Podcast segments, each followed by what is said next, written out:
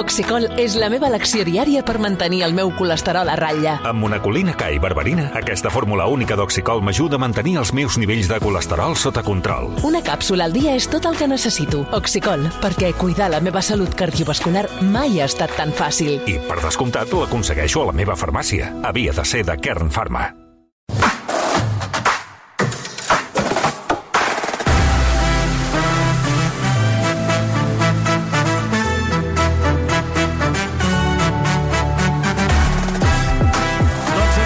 Aquesta darrera hora de programa um, quan uh, passen dos minuts d'un quart de set del vespre um, fent un, posant una mica el retrovisor i mirant que fa cinc dies cinc dies va començar la guerra a Ucraïna.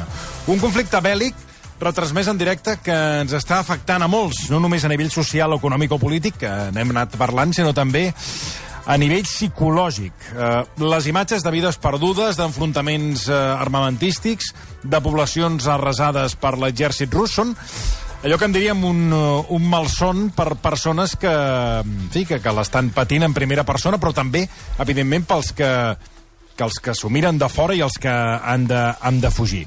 Bé, d'aquestes i altres qüestions en parlarem tot seguit amb el eh, nostre psicòleg de capçalera, el psicòleg i escriptor Xavier Guix. Xavier, molt bona tarda. Molt bona tarda. Què tal, Xavier? Després d'una pandèmia, ara, ara només ens faltava la guerra, Xavier. Això és, uh, és, és, uh, és non-stop. La, la vida, uh, jo sé que ara em poso una mica transcendental, però la vida sempre és això? No, no, no hi ha, diguéssim, parèntesis? O, o és que hem encadenat, portem un darrere l'altre non-stop? Perquè és que encara no ens hem recuperat del, de la Covid i ara estem immersos en una guerra que veurem si finalment doncs, uh, acaba sent una guerra mundial, no? Doncs, home, esperem que no, però sí és cert una cosa. Cada vegada que la nostra vida ens trobem amb coses que no havíem previst o inesperades, caiem en el mateix programa de no saber gestionar bé la incertesa. La incertesa apareix sempre que les coses creen un escenari, primera, que no havíem previst, que ningú es podia imaginar, Toni, ningú, que a Occident, a Europa, a dia d'avui, en plena modernitat, hi hauria una guerra. És a dir, que eh, no, no, ens costa molt d'entrar al cap, però és una cosa que continua formant part de l'existència humana, malauradament i tristament.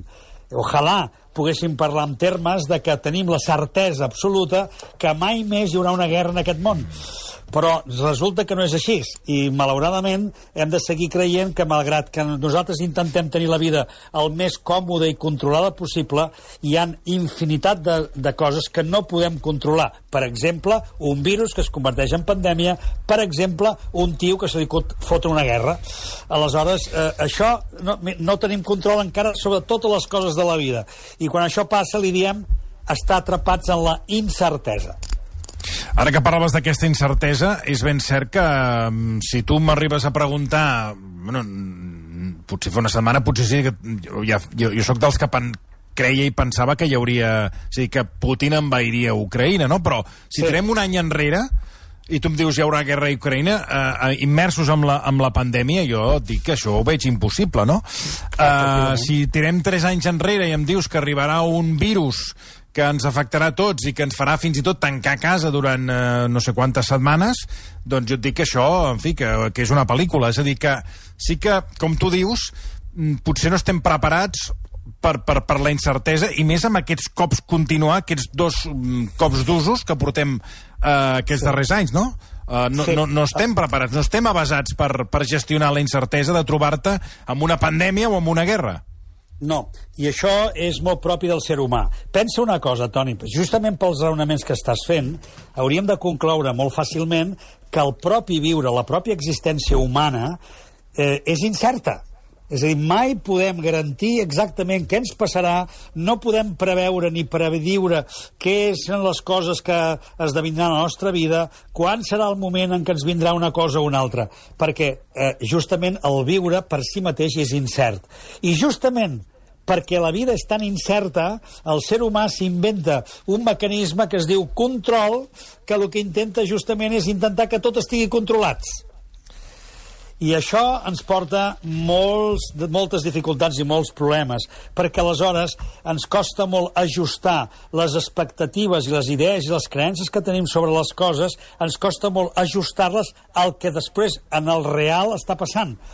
Per tant, estem vivint una època, com molt bé dius tu, que ens estem ajustant a condicions d'existència que no havíem previst i que ens costa molt de situar. Perquè cada vegada que estem ficats en una situació d'incertesa ens neix una cosa que es diu la por. La por a què? La por a no preveure, a no poder pensar quin serà el proper pas que faré, cap a on ani- anirà la meva vida, què és el que... Si tinc les coses segures i les tinc una mica controlades, més o menys ja sé com haig d'actuar, ja sé què m'espera, ja sé què puc fer i què no puc fer. Però què passa quan això no és així? Què passa quan no sé què em passarà? O imagina totes aquestes persones que, igual que la pandèmia, vam veure gent que va passar el que va passar i no s'hagués imaginat mai que passaria, però em va passar. Imagina la quantitat de gent que avui ha d'abandonar les seves cases, Sí, ha de sí. deixar una vida muntada, ha d'abandonar tot el que ha, ha, ha conreat durant tant de temps i potser ho ha de deixar i no sap si s'ho tornarà a trobar, si li esbutjarà una bomba, si pod- podran refer la seva vida. És a dir, és un estat d'incertesa que quan arriba a certs llindars es converteix en, en un autèntic problema. Perquè, Toni, el filòsof Kant ja ho va dir, eh, el nivell de certesa, d'incertesa que una persona és capaç de tolerar, això el medeix. La mida d'una persona és la mida de tolerància que pot suportar. I llavors aquí és on ens ve la pregunta. Quin grau d'incertesa sóc capaç de tolerar a la meva vida? I aleshores, Això, perdona, però com, com, com, com es medeix? O sigui, com pots medir tu a casa? Com pots fer un test del teu grau? Saps, com la gent que es mira el sucre cada dia, aquí, o a la, PCR, o a l'antigen, a veure, com pots mirar quin grau de de, bueno, d'incertesa puc, puc, uh, puc assumir? Doncs mira, això és molt senzill. El, eh, el que ho medeix és la por. El grau de por amb la que afronto immediatament les coses de la vida. És a dir, si sóc una persona que davant de la incertesa, davant dels obstacles, ja tinc un bon nivell de resiliència i un bon nivell de tirar endavant i d'afrontar, o en canvi quedo assumit i tancat en la por i quedo en un nivell de patiment perquè no sé què serà de la meva vida, no sé què serà dels meus, no sé com ens en sortirem, no sé Però com això, perdona, però Xavi, això, però, això, però això és lo normal, no? El normal que és que patim. No, lo normal és que davant una incertesa, i més i Mm. més davant la- del que avui estem parlant, que arribis a aquest punt de por de dir, bueno, veurem eh, Esclar. com, com ens en sortirem. Vull dir que això entraria Esclar. dins la... Eh, passa que, supos, evidentment, davant de, de graus de les diferents dificultats, doncs hi ha gent que ho supera millor i hi ha gent que ho porta pitjor, no? Ah, exacte. Aleshores, fixa que l'escenari que tu i jo hem descrit de la guerra, o el que estan vivint els ucraniesos, Sí. efectivament és un nivell de- d'incertesa brutal perquè és pràcticament que se'ls hi desmunta tota la vida i que tot el que havien construït no saben si quedarà destruït i no saben com hauran de començar i com podran tirar endavant. Per tant, el nivell d'incertesa en aquests casos és brutal. I tot i així, fixa't, Toni, i tot i així, la gent agafa bosses, agafa el cotxe, se'n va i es busca la vida. Per què? Perquè la vida segueix. És a dir, malgrat tot, hem de tirar endavant. Perquè si no, quedem atrapats en la por, i atrapats en la por anem a parar una cosa que es diu impotència. I la impotència és el que ens pot deixar més paralitzats. I fixa't, encara hi ha una cosa pitjor que la impotència. Saps quina és? Mm, Doncs no. La desesperació. Bueno, que això és el que, el que, el que veurem i estem veient, no? De la, la desesperació Exacte. de moltíssima gent de què fer Exacte. eh, d'ara en endavant.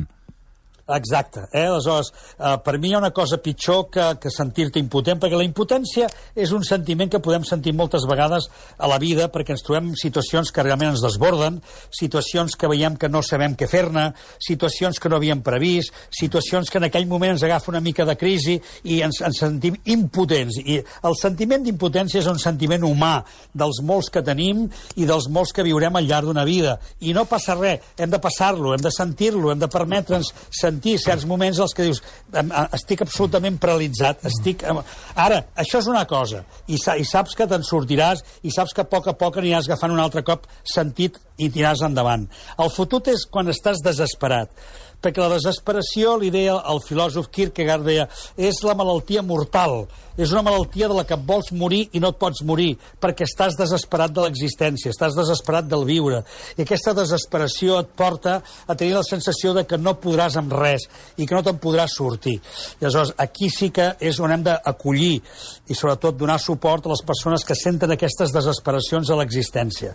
I això és el que porta una guerra, tristament, Toni, Però, tristament. però si saps ja que, com jo, que sóc una persona gran, que ja ho he viscut de tot i ja he vist de tot, si saps que la vida ja és això, aleshores tu agafes les coses d'una altra manera. No, no, no, Aquí arribes, a, no cal arribar a aquesta desesperació. Ai, què Ah, farem? Quina desgràcia. No, Bueno, no, perdoni. posis tranquil, posa, t'es- posa No, tranquil bueno, i digues, sí, home. quina és la solució? A veure, per Bueno, on van sí, les solucions? home. Home, t'has Bueno, de a posar veure, tranquil. Eh, sí, home, sí, pues és, és que em fa molta gràcia Perquè vostè. En si- 24 si- hores que et canviï la vida a 180, que, o sigui, que et hagis de marxar en 24 hores, o 12, o 6 de casa teva, ja et pots posar tranquil. O sigui, vostè, perdoni, parla perquè té boca.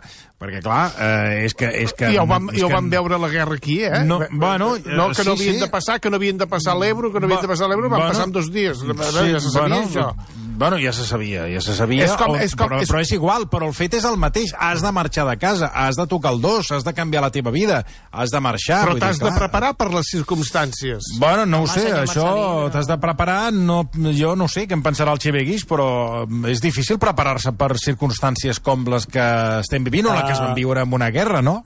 Sí, a veure, no pots preveure que la- l'abast, diguem-ne, el que sorprèn d'aquestes coses, la magnitud. És a dir, el que no Exacte. podem preveure és la magnitud que tindrà la incertesa. I, evidentment, això és el que a vegades porta a la desesperació. Ara bé, hi ha un principi que el senyor Marcelí d'alguna manera ens, ens està com mig proposant, que és un principi molt estoic, que és anar-te preparant pel pitjor, però no en el sentit negatiu, en el sentit pessimista, en el sentit eh, desesperançador, sinó en el sentit de dir, escolta'm, eh, la vida és això, la vida és un conjunt d'experiències que a vegades ens acompanya, la navegació ens acompanya perquè tenim bon temps i a vegades el vent ens afavoreix i arribem a bons ports i ens ho passem molt bé, però a vegades la navegació és tot el contrari. És terrible, passem per, per, per, per, per uns mars que, que estan doncs, atrotinats i passem per situacions que són complicades. I hem d'aprendre a navegar. Aleshores, hem d'estar preparats per una cosa i per l'altra, que això és el que deien una mica els estoics. Memento vivere, memento mori, és a dir, està preparat per una cosa i està preparat per l'altra. El que passa que en societats occidentals com la nostra, que ens hem acostumat durant molt de temps a viure bastant bé, les coses com siguin, i a I viure no en som amb una- Exacte, i viure en una condició de que tot ens afavoreix i que tenim el que volem i a més a més ho exigim i, i, i, i demandem i sempre estem demandant i sempre ens estem queixant perquè mai n'hi ha prou, de vegades hauríem de recordar que efectivament el viure pot portar que ho perdis tot i que has d'estar preparat tant per tenir com per deixar de tenir. I viure amb, amb una certa serenitat una cosa i l'altra, perquè si no la desesperació és el que farà que no te'n surtis d'aquests atzu- atzucacs tan grans. A veure, parlàvem de la incertesa, deies que hi havia dos camins, dues possibilitats. La incertesa Sí. que et porta doncs, aquesta ansietat, aquesta Sí. fins i tot la impotència, por. A la por, i després, sí, eh, abans d'abordar el que seria la- l'altre camí, tu abans Sí. parlaves de la impotència i aquest matí a la redacció en parlàvem de la impotència que tens des de casa veient les imatges que tu veus de la gent com pateix. Sí. No? Sí. Uh, aquesta impotència, mm, hi ha alguna manera de canalitzar-la o no? O te l'has de menjar amb patates? No, no, no. Hi ha, hi ha, almenys, almenys ara mateix podria, se m'ac- se m'acut un parell de coses que es poden fer. Una, una és la més eh, propera, la més immediata, és posar-te tu en pau. És a dir, allò que vols pel món, tu ho has de poder-hi estar. És a dir, en lloc de queixar-te, en lloc de sentir-te impotent, en lloc de crear i generar al teu entorn aquesta densitat tan negativa, posa't bé, posa't en pau estigues en pau i transmet tanta pau com sigui possible. Per què? Perquè és el primer que tu pots fer, no alimentar més guerra, alimentar més pau. I la segona cosa que pots fer és, escolta'm, si tant et preocupa, si tant t'enutja, si tant t'està movent per dintre, aleshores actua. I actuar a vegades és cosa tan simple com, com avui en dia, escolta'm, jo estic rebent a casa, aquí el meu mòbil infinitat de missatges de llocs on pots anar a portar una caixeta de menjar, on pots mm. portar una mica de roba, on pots portar... És a dir, si sents realment el neguit dintre teu, actua! Per tant, hi ha una, hi ha una eh, primera acció interior, posa't en pau, hi ha una segona acció exterior, que és actua, i per tant, vés a portar ajuda amb algú que coneguis, apropa't, envia alguna cosa, és a dir, que sentis que estàs actuant.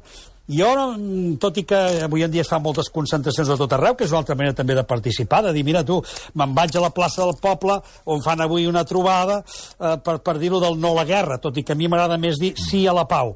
És a dir, m'agradaria més que canviés el concepte, perquè tanta, tanta anomenar la guerra, la guerra, la guerra, al final és el que ens queda. I jo preferiria que la gent es manifestés per dir sí a la pau, no? Volem pau, i volem estar en pau, i volem viure en pau, que en definitiva és el que tothom està demanant.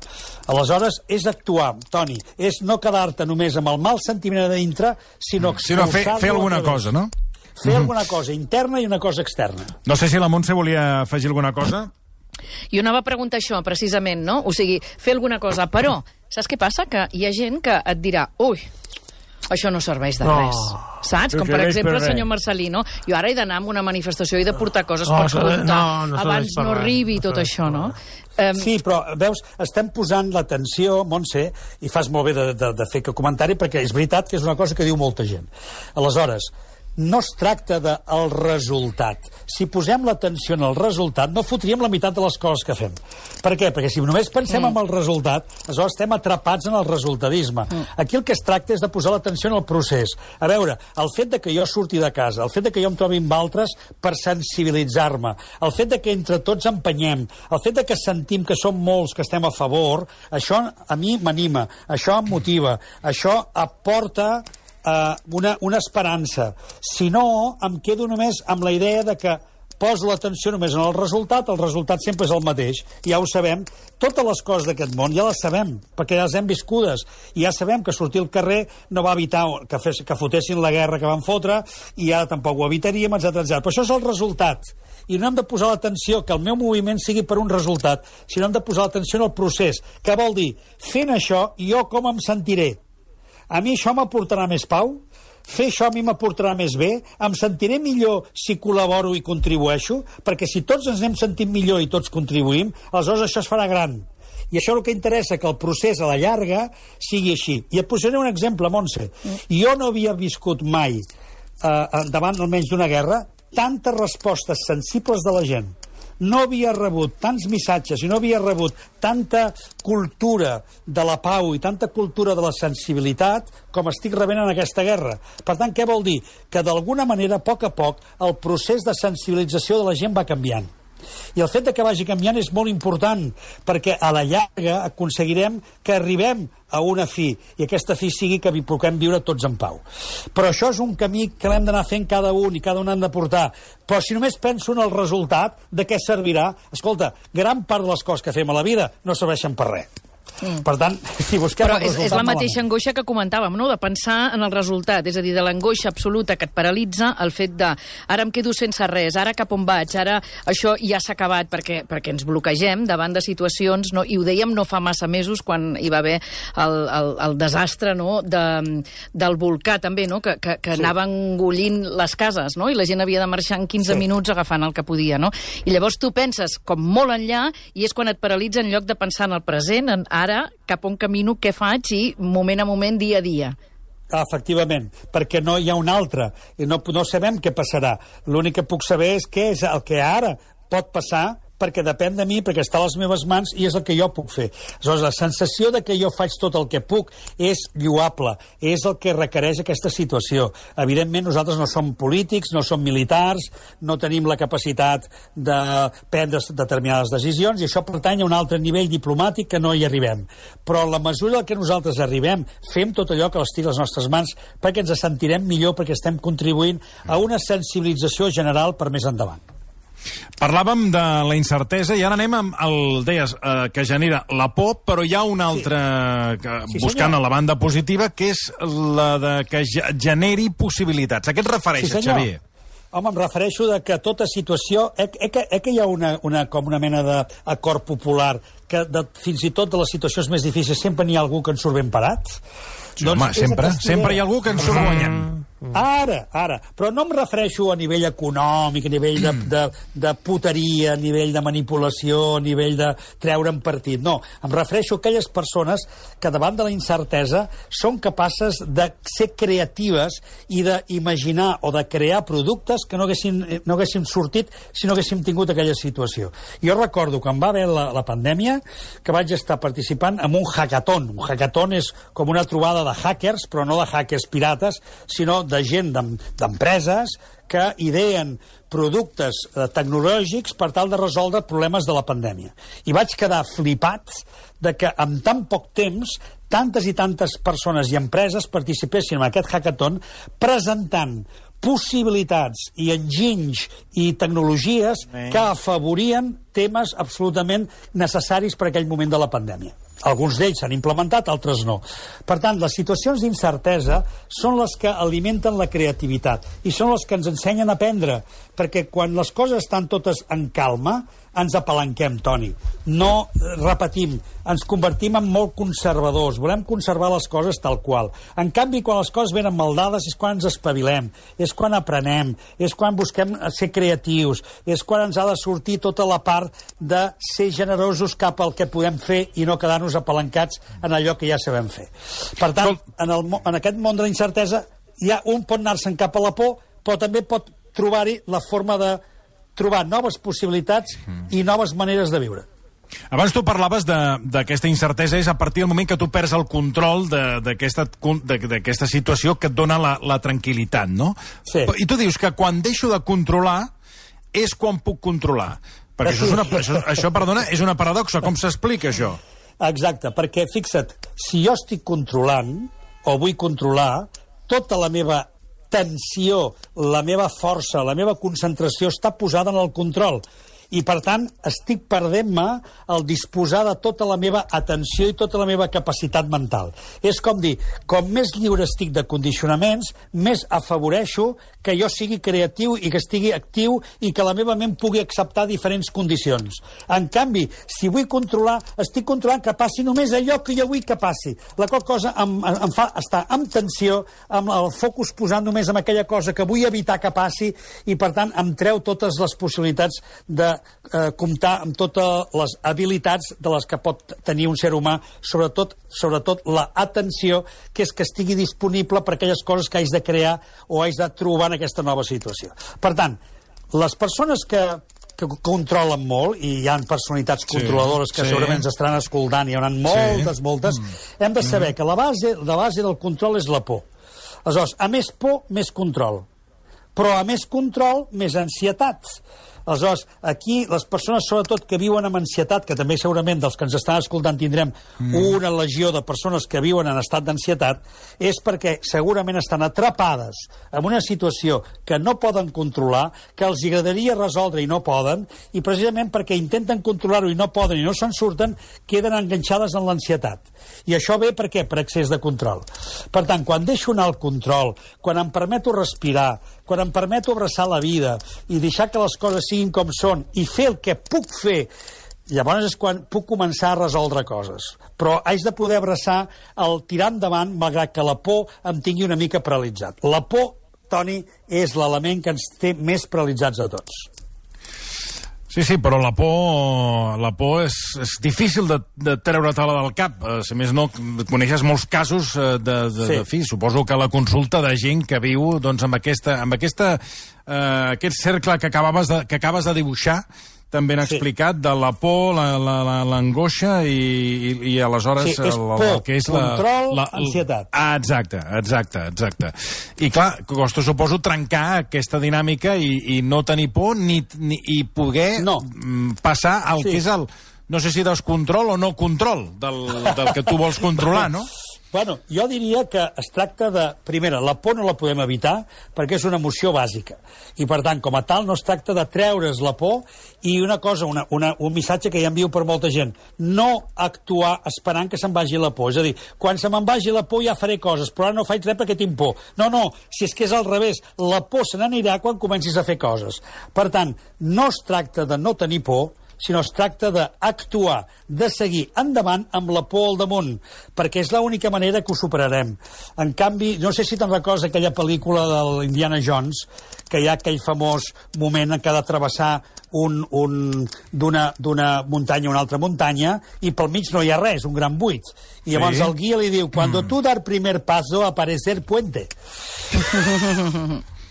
I llavors dius, hosti, has de fotre un acte de fe, perquè, perquè si foto el primer Exacte. pas i no apareix el puente, me voy para abajo.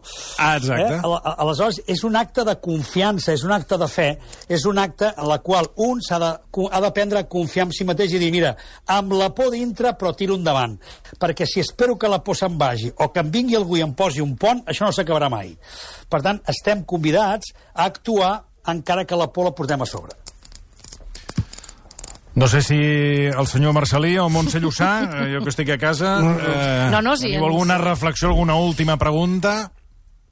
Jo l'únic que penso és que si tu Atenció. penses, si tu creus, és que, és que, Vinga. és que esteu carregats de raons, ja fa estona que us escolto i no, no aneu de cap manera. Si tu saps que tot pot patar en qualsevol moment, Sí? i ja saps que el món és així perquè ja portes uns quants anys vivint en, en aquesta terra i ja veus quin pas hi dona, a mi no em ve de res de nou. I quan passen coses d'aquestes, dius, mira, una altra. I es- llavors dius, bueno, doncs, doncs bé, anem anant fent... mi vostè, vostè, perquè vostè quantes guerres porta ja? Mare de Déu Santíssima, vostè és, tot, eh, sense, vostè sense, és la, és a la, de- la de Corea, britànica. La de Corea no hi vaig anar. Aquesta No, per això, clar. I, i, però La ja- civil, eh, clar, Mare, mare vostè la primera, la- la segona, mare de Déu. Per això, per això terrible. dic, sí, Però sí. per això et dic, com que ja saps com és, que el pa que s'hi dona i com és, són les persones, que no te'n pots refiar mai de ningú, el que has de fer és dir, bueno, tenir-ho tot a punt, una maleteta, sempre per les circumstàncies, amb una muda, i, escolta'm, uh, que petren seques, passi-ho bé, ja ens, ja ens veurem un altre dia, tanques la casa, i si quan tornes la trobes, i quan no, doncs mira, la vaig seguir Déu. I, és, I les coses te les has d'agafar d'una altra manera. És com te les agafes tu, les coses. I amb això estic conforme amb el senyor Guix. Si tu tens ganes d'agafar-te les coses a les tremendes, tot seran tragèdies i desgràcies. Ah, si t'ho agafes amb una mica més de tranquil·litat, escolta'm, les coses van passant i passen Ha més pensat, ha pensat en obrir consulta? bé. Bueno, quan vulgueu, quan vulgueu, i ja tinc, un div... Tinc, un, tinc una xeslong, no tinc divan, tinc xeslong. El Xavi Guix ara deu estar preocupat Home. perquè ja és, ja és una competència domèstica, No, no, en ja- aquest cas. Però ho he dit Ja- bé o ja- no ho he ja dit bé, accepto. se- senyor Guix? Vos Sí. que sou, que sou entenimentat. Sí, eh, home, es nota que ja sou un home savi. I la Ara, saviesa de la vida, Ara, eh, això. la saviesa de la vida porta a que entenguem, com van dir molt bé els vells grecs en el seu moment, quan van Fixa't. crear la filosofia, que deien, sobretot, res en excés. Ara. Res. Res en excés. Ara. Per tant, el punt, el punt d'equilibri, el punt al que deixem que les coses no se'ns emportin ni cap una punta ni cap a l'altra, Ara. això ens portarà una certa serenor a la vida. Veus? Tant de... Xavi Guix. De venir jo a arreglar les coses. Sí, serà això, sí, sí, sí serà vostè, sí, sobretot. Xavi, moltíssimes gràcies per acompanyar-nos, per ajudar-nos a pensar. Gràcies, Gràcies. Xavi Guix, una abraçada. Gràcies. Bona tarda. bona Dos tarda. minuts i saludarem Marta Cailà, que ens explicarà com estan les coses... Eh, Amb ara, aquells que nervis, ella, ella, ella sí que és com un neguit. Escolta'm. Bueno, ara, ara veurem si entra nerviosa o entra, com vostè renya, diu, eh? nerviosa o, o entra relaxada. Ara ho veurem. D'aquí, res, un minut 30 segons.